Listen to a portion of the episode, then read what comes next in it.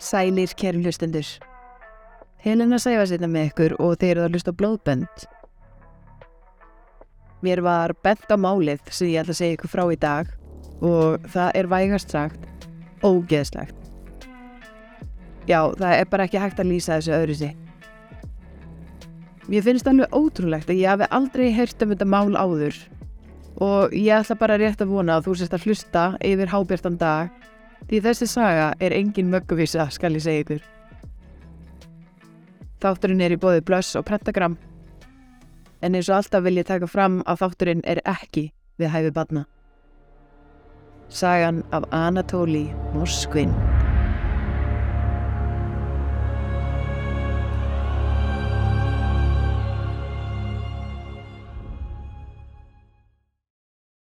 Árið 2009 í borginni Gorgi í Rúslandi var einhver skuggalegu náungi að byrtast reglulega í fréttonum sem hrætti borgabúa og lauruglan bað fólkum að hafa augun opinn. Þessi náungi fór á milli kirkugarða og var að eiga við grafir og leiði og enginn skildi af hverju hann var að stunda þetta. Í sumum tilfellum mála hann legsteinana eða fjarlæði það Í öðrum tilfellum breytt hann uppsetningu á leiðunum og raðaði upp og nýtt, en nokkrar fjölskyldur gengu í gegnum þá skelvilegu reynslu að koma staði að gröf einhvers nákomins var tóm. Löruglan reyndi hvað eftir annað að setja upp myndavélakerfi og öryggisbúnað til að ná viðkomandi á upptökur og góman þannig en án árangus. Kirkjugarðar voru vaktaðir heilu nætunar en í heil tvö ár gekk þessi skuggalegi náengi laus og kom og fór eftir hendusemi. Það var ekki fyrir nárið 2011 þegar maður að nafni Anatóli Moskvin, 45 ára sérfræðingur um kirkjugarða og grefturinnar aðferðir, náðist á upptökur að mála yfir myndir af múslimum á lagsteinum í kirkjugarði. Hver var þessi maður og hvað gekk honum til?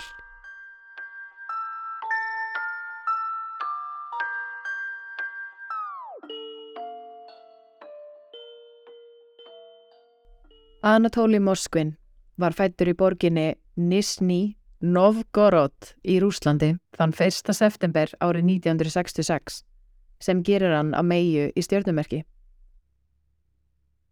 Á fyrstu árum æsku hans var hann óskap vennulegt bad sem hafði yfirburða gáfur og ótrúlega getu í lestri. Hann byrjaði að sína dauðanum mikinn áhuga þegar hann var í fyrstu bekkim grunnskóla. Það var svo sem ekkert talin eitt óeðlilegt. Það er alveg þekkt að börn á þessum aldri síni dauðanum áhuga og virtist þessi áhuga hans bara saglus og enginn pældi neitt meir í því. Anatóli fannst gaman að skoða kirkjugarða og lesa á leggsteina og fóru mammans og pappi, Elvíra og Júri Moskvin, oft með honum í gungutúra. Hann átti erfitt með að eignast vini og hann hjælt sig mest útaf fyrir sig en honum var stríkt mjög mikið af skólafélögum og uppnemdur fyrðufugl. Hann svaraði aldrei fyrir sig og var þess vegna mjög auðvelt skotmark. Eitt daginn, þegar hann var á leiðinni heim úr skólanum, króiði nokkri mennan af og byrjuði að tala við hann. Menninir þvinguði hann með sér í jarðaför hjá 11 ára gammalli stúlku og var kistanennar opinn í aðtöfninni. Stúlkan hétt Natasja og lést hún vegna þess að hún var að leika sér í baði og eitthvað ramagstæki var í sambandi nálagt baðkarinu og einhvern veginn datta ofan í baðið og hún fekk rafmakslost og lést samstundis. Eftir aðtöfnina var Anatóli látin standa hjá kistunni og móðir stúlkunar fór með bænir á einhverju tungumáli sem hann þekkt ekki með lokuð augun. Ástæðan fyrir þessu er út af einhverjum trúabröðum í sértrúasöfni svo þetta var eitthvað sem Anatóli greið hafði aldrei séð og eðlilega skildi ekkert hvað var að gerast. Anatóli var svo skipað að kissa stúlkuna. Hann neytaði en þá var þvingað höfðunans upp að líkinu og hann sagðist ekki hafa haft neitt um annað að belja en að kissa stúlkuna á ennið sem var eins og kertavaks viðkomu. Hann kist hana einu sinni, svo aftur, en svo í þriðja sinn. Það kom hann um á óvart að honu þótti þetta ekkert jafn hræðilegt og hann bjóst við, bara frekar notalegt. Móðir stúlkunar setti þá ring á fingur hans og líka á fingur látnu dóttu sinnar, fór með bænir á tungumáli sem Anatóli skildi ekkert í og sagði hann svo að lokum að þau væru nú gift. Samkvæmt þessum trúabröðum ávist að vera betra fyrir þann látna að vera giftur þegar hann er grafin, alveg sama á hvaða aldrei látna manneskjan er. Anatóli var síðan sleft að lokinni aðtöfn og fekk fulla skál af ávöxtum til að taka með sér. Þegar hann var orðin neitt núti á götu, kastaði hann skálinni og ávöxtunum frá sér og gekk á stað heim. Hugsunin um það sem skeiði láð þungt á honum. Þetta hafði gríðarlega áhrif á Anatóli og sagðan sjálfur að Natasja, látna stúlkan sem hann kisti, hafi komið til sín í draumi. Svo byrjaði hann að byrtast oftar og oftar í draumum hans og honum fannst hann í alveru vera giftur Natasju, en hann vildi það ekkit sérstaklega. Hann sagði svo mömmu sinn og pappa frá því að hann ætti erfitt með að sofa þegar hann var orði nánast svepplaus í marga daga og þau fóru með hann til lækni sem skrifaði upp á sveplið fyrir hann. Því miður varð Anatóli, fórnalamp einhverjar ófresku sem tók sakleysi hans ennþá frekar með að misnotan kynferðslega þegar hann var um nýjára gammal. Eftir það byrjaði Anatóli að sína verulega breyta hegðun og mammans og pappi spurðan oft hvað væri að og hafði oft orð á því að hann væri svo breyttur í hegðun.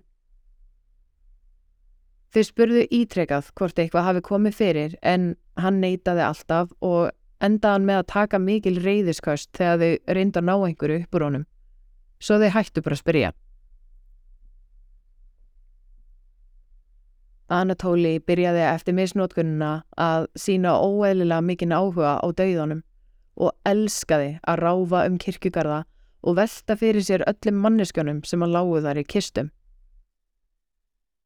Hann var greinilega algjör förðufugl, en gáfaður förðufugl enga síður. Anatóli útskrifaðist svo af heimsbyggibraut frá Ríkisháskólanum í Moskvu og voru helstu fræðasvið hans keltnesk saga og þjóðsögur, málvísindi og hann talaði hvorki meirinu minna en 13 tungumál. Hann hafði mikla þekkingu á kirkigörðum og greftrunar aðtefnum og dölsbyggi. Hann hafði mikinn áhuga á svartagaldri og sértrúarsöfnuðum og las ótal bækur því tengdu. Á fullorðins árum lifðan verulega afskektu lífi og vildi aldrei fara úr fóreldrahúsum og búa útaf fyrir sig. Hann drakk aldrei, reykti aldrei og fór aldrei á stefnumót. Hann átti personlegt bókasapn sem inni heldu 60.000 bækur.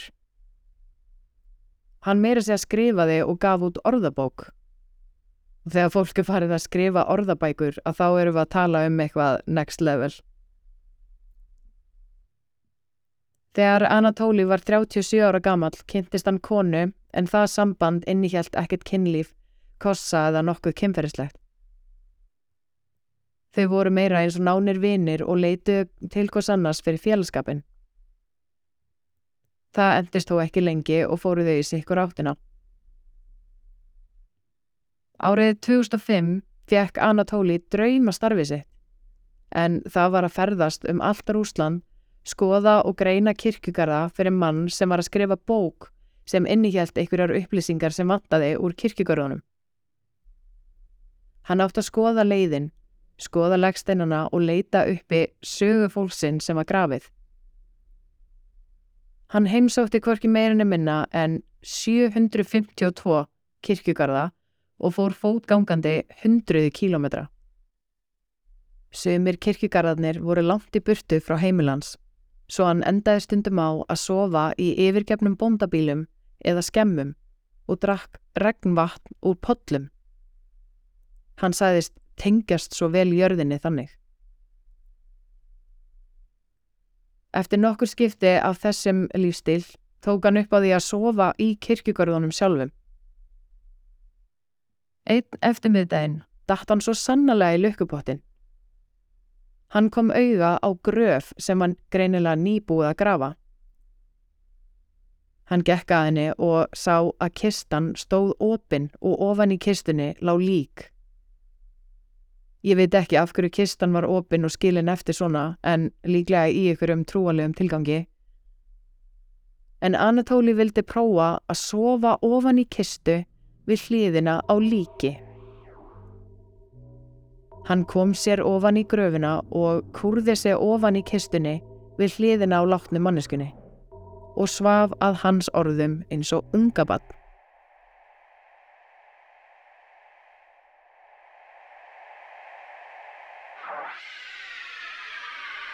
Lauruglan var byrjuð að taka eftir honum ráðandi um kirkjugarðana og fólk sem bjó í nágrenninu var farið að gruna að eitthvað skrítið væri á segði.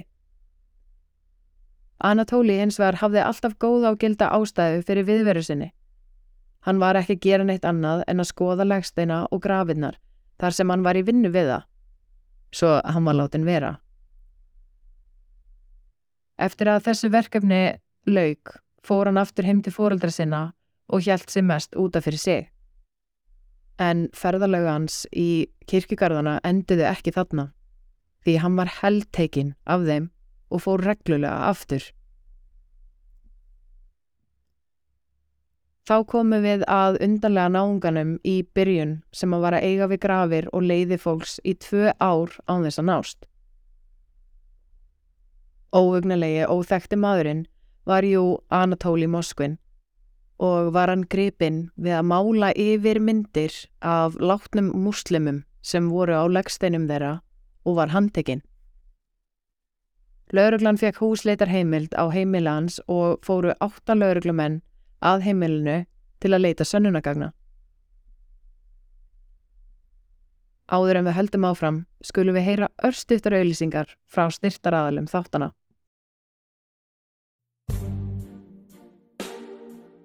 Blöss ætlar að halda fræðandi og skemmtilega mömmumotna klukkan 11 til 12.30. Þar ætlar Blöss að eiga notalega stund og spjalla um kynlíf á og eftir meðgöngu ásamt því að kynnast vinsælustu vörum Blöss.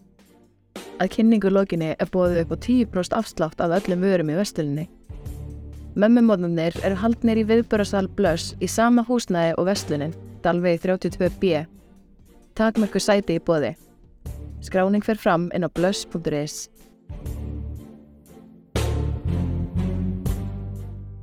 Pentagram býður upp á gæða ljósmyndavörur og innramanir á geggiðu verði. Það er þægilegt að nota heimasíðuna þeirra pentagram.is til að hanna þína ljósmyndavöru eins og þú vilt hafa hana. Nú er hægt að panta fleiri stærðir á síðuna þeirra og einnig eru komni nýjir upphengilistar með segli sem er sniðugt og flott fyrir vegspjöld. Notaðu afsláttakóðan blóðbönd og þú fær 20% afslátt af öllu nema frímerkjum hjá Pentagram.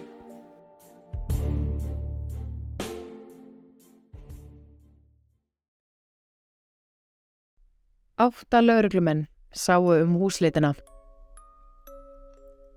Þegar þeir opnuðu dittnar að heimili Anatólín tók sterk og mikil nálikt á mótið þeim, bara eins og að lappa á vegg.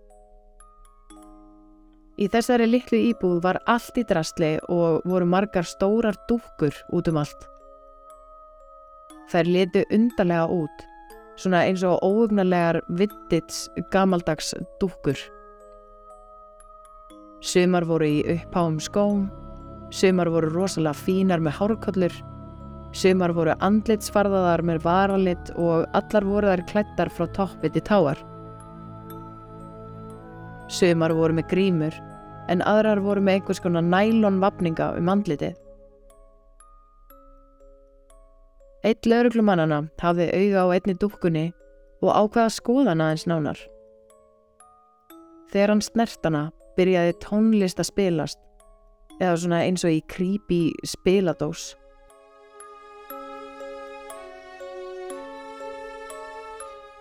Í íbúinu fundust leggsteinar, nöfn af leggsteinum Polaroid myndir af gröfum, kirkigörðum og ungum stelpum, leiðarvísum og alls konar undalegt út.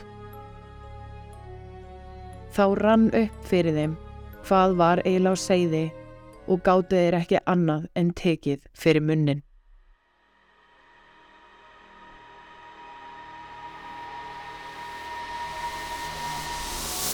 Þetta voru sko engar venjulega dúkkur. Heldur rótnandi lík ungra stelpna. Líkt og múmjur sem Anatóli hafi grafið upp, farið með heim til sín og búið til dúkkur. Hann bjóti dúkkur úr alveru manneskum sem að voru eitt sinn lifandi.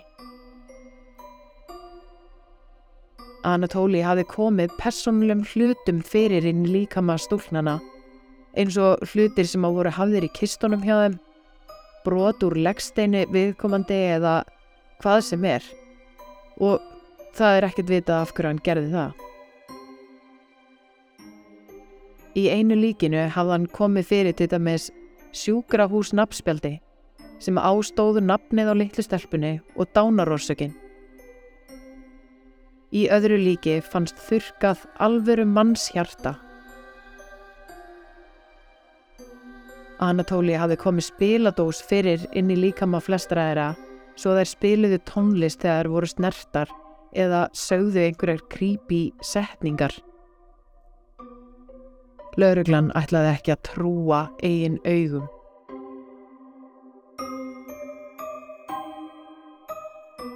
Alls fyndust 26 dúkur sem voru þá 26 lík af litlum stelpum í íbúðinans og voru þær á aldrinum 3-12 ára. Allar klættar í þeim fötum sem þær voru grafnar í. Anatóli lísti því hvernig hann tróð töskum inn í rótnuðu líkin og notaði matarsóta og kertavaks til að gera þær eins raunverulegar og hægt var. Hann vafði nælón sokkaböksum yfir andlit þeirra eða setti grímur á þær.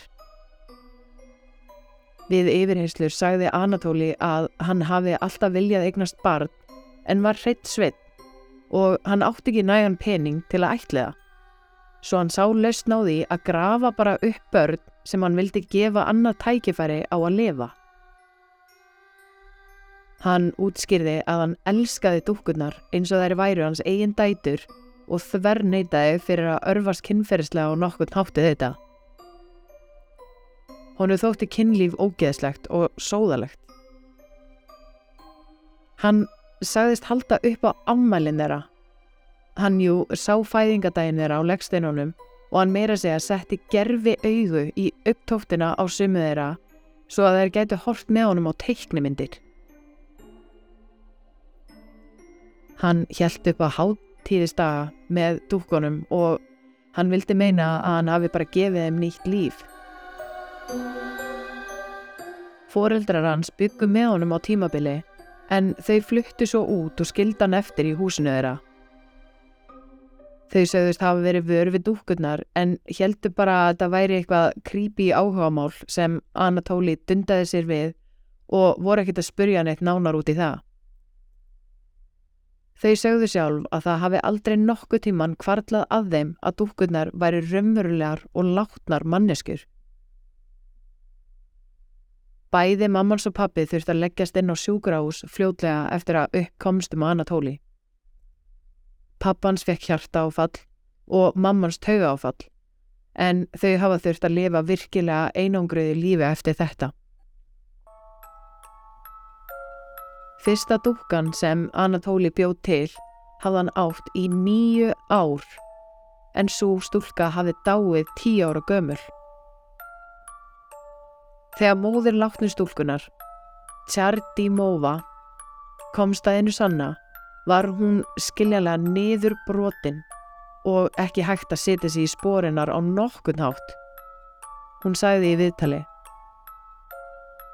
Ég á erfitt með að átta mig á og skilja þá staðurinn að ég átti dóttur mína í tíu ár, hann áttana í svefnherbyggjurinu í nýju ár. Ég heimsótti tómt leiðinar allan þennan tíma. Anatóli hafði gert fleiri dúkur en þær sem fundust því alls konar dót fannst heima hjá honum sem tilherðu ekki þeim 26 líkum sem fundust heima hjá honum. Kanski hafði hann losað sig við einhverjar, kanski líktuð þær á mikið eða hann mögulega fekk leið á þeim. En talið er að hann hafi grafið upp 150 lík.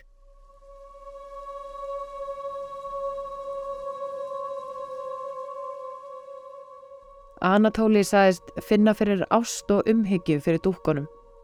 Honu leið mjög illa að litlu stúlkunnar hefðu dáið og vildi bara gefa þeim nýtt líf.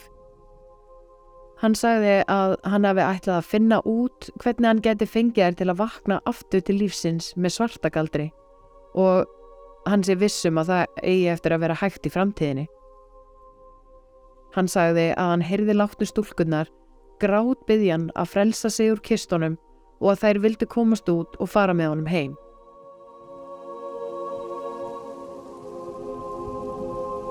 Hann sagði orðrétt við yfirveld. Ekki grafa þær of langt niður í jörðina, því ég ætla að ná í þar aftur þegar ég verð frjáls. Anatóli var ákerður fyrir mörg brot en hann var þó engin morðingi.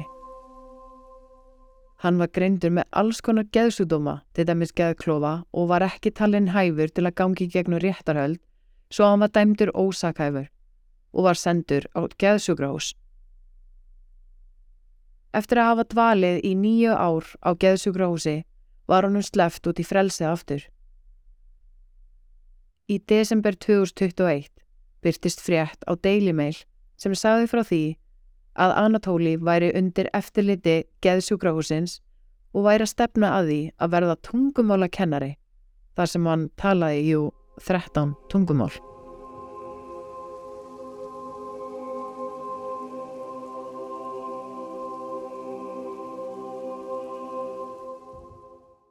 Ég veit ekki með ykkur en mér finnst það að negi ekki að ganga laus í eina mínútu án eftirlits þegar hann er búin að sína fram á hvað hann er fær, færum að geta gert.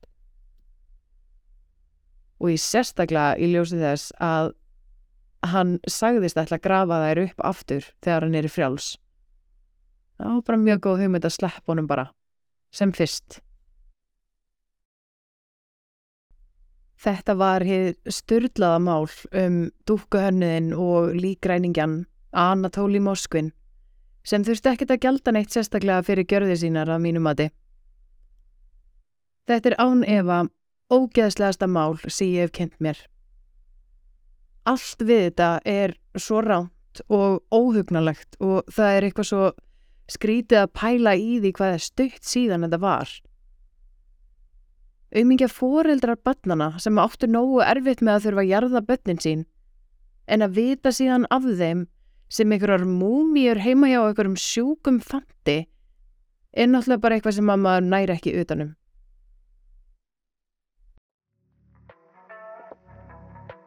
En ég vil minna á hexdesign.is og Instagram síðu þáttarins. Ég vil þakka ykkur innilega fyrir að hlusta og ég lakka til að fá frá ykkur skilaboð um hvað ykkur fannst um þáttinn. Þá engur til næst, góða stundir.